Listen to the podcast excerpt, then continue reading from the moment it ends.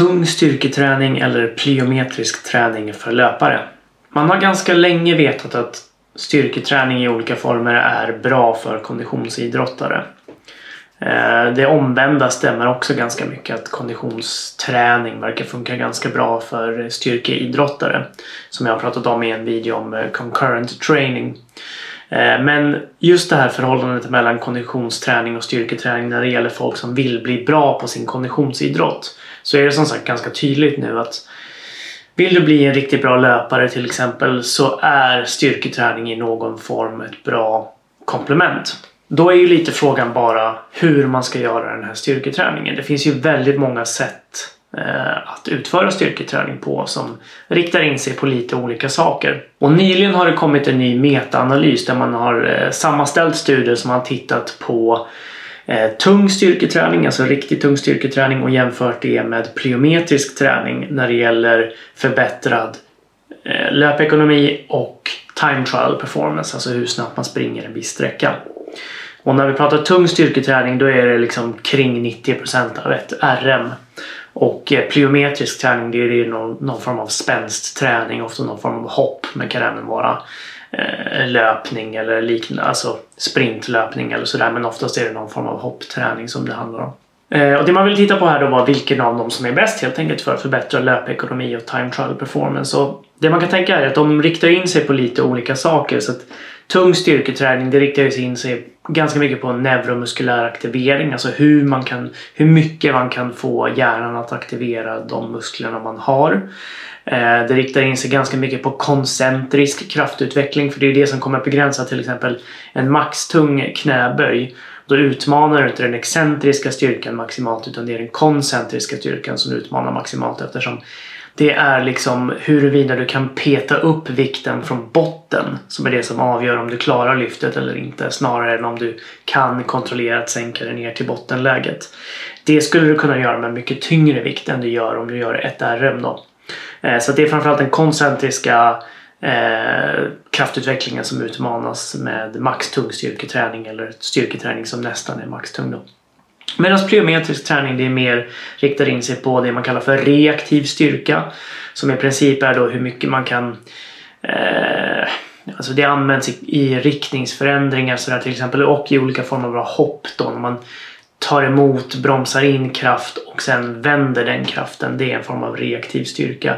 Eh, det tränar även stretch shortening cykeln som är alltså då när muskler och eh, senor sträcker ut sig vid liksom en inbromsande fas för att sedan dra ihop sig i den koncentriska fasen. Då.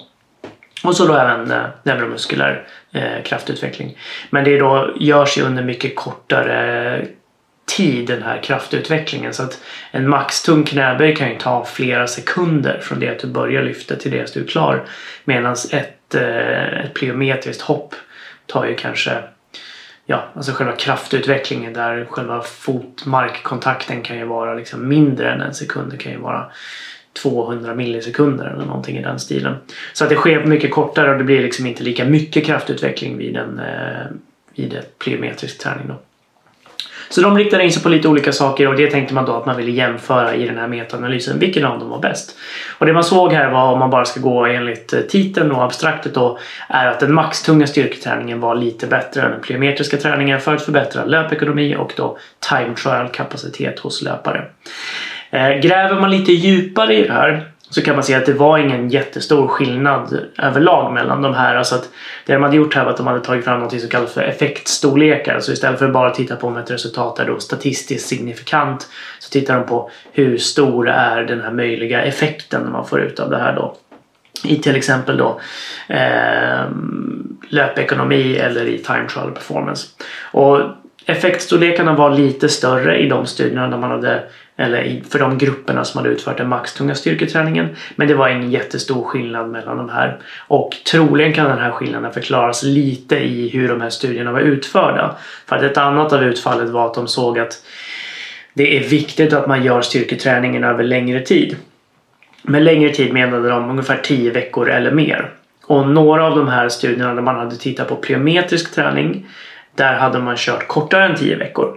Och då är det möjligt att de studierna inte riktigt visade på lika mycket effekt eftersom träningsprogrammet inte var tillräckligt för att ge liksom den potentiella effekten. Då.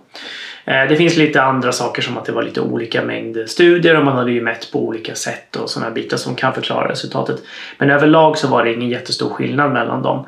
Jag tycker det här är ganska skönt och ganska bra att belysa för att jag tycker inte egentligen dels att man ska, inte ska se det som att det är, man väljer det ena eller det andra utan man ska göra både och och kanske framförallt ska man välja utifrån vad du själv behöver. Om det är så att du har en bra koncentrisk styrka så att till exempel ditt RM i en knäböj är riktigt bra men din reaktiva styrka är inte där den ska vara så du har en dålig reactive strength index då är det möjligen så att det kanske är den plyometriska träningen som du ska träna mer på för att bli en bättre löpare då. Snarare än den här maxtunga styrketräningen. Samtidigt kan man tänka sig att man kan göra det här under olika delar av året. Att du kanske går in i en sorts förberedelsefas och gör den här lite mer långsammare, kanske det är lättare att programmera, kanske lite mer skonsamma maxtunga styrketräningen under kanske vintern när det är svårare att göra olika hoppövningar och sådär ute. Och sen kanske du gör den här plyometriska träningen Eh, under eh, vår och sommarhalvåret då när du kan vara ute mer och göra det kanske i samband med, med intervallträning och liknande. Sådär. Det går att göra till exempel i form av hopprep eller sådana bitar. Vilket ju då man kan göra på en idrottsplats om man ska springa sina intervaller.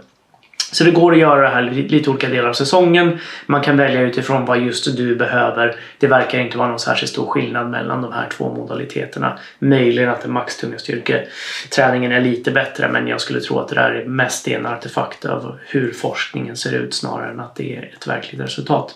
En annan sak man måste tänka på, eller som är intressant i det här var att effektstorlekarna var väldigt små när det gällde det här och det förklaras ju av att det är inte huvudsakligen styrka som förklarar hur bra långdistanslöpare du blir.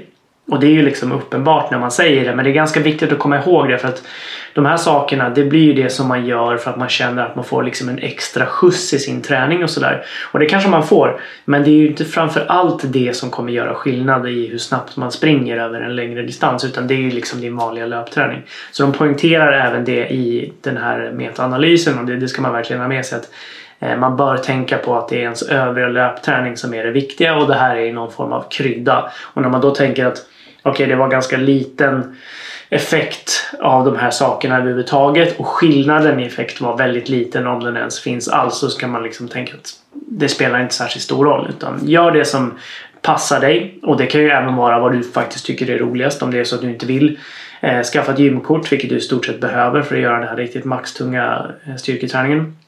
Då kanske plyometrisk träning är bättre för dig för du kan få typ lika bra effekt genom att bara hoppträna och sådär. Sen är det lite svårare att programmera om man inte är van vid det för att det är ganska lätt att överdosera plyometrisk träning.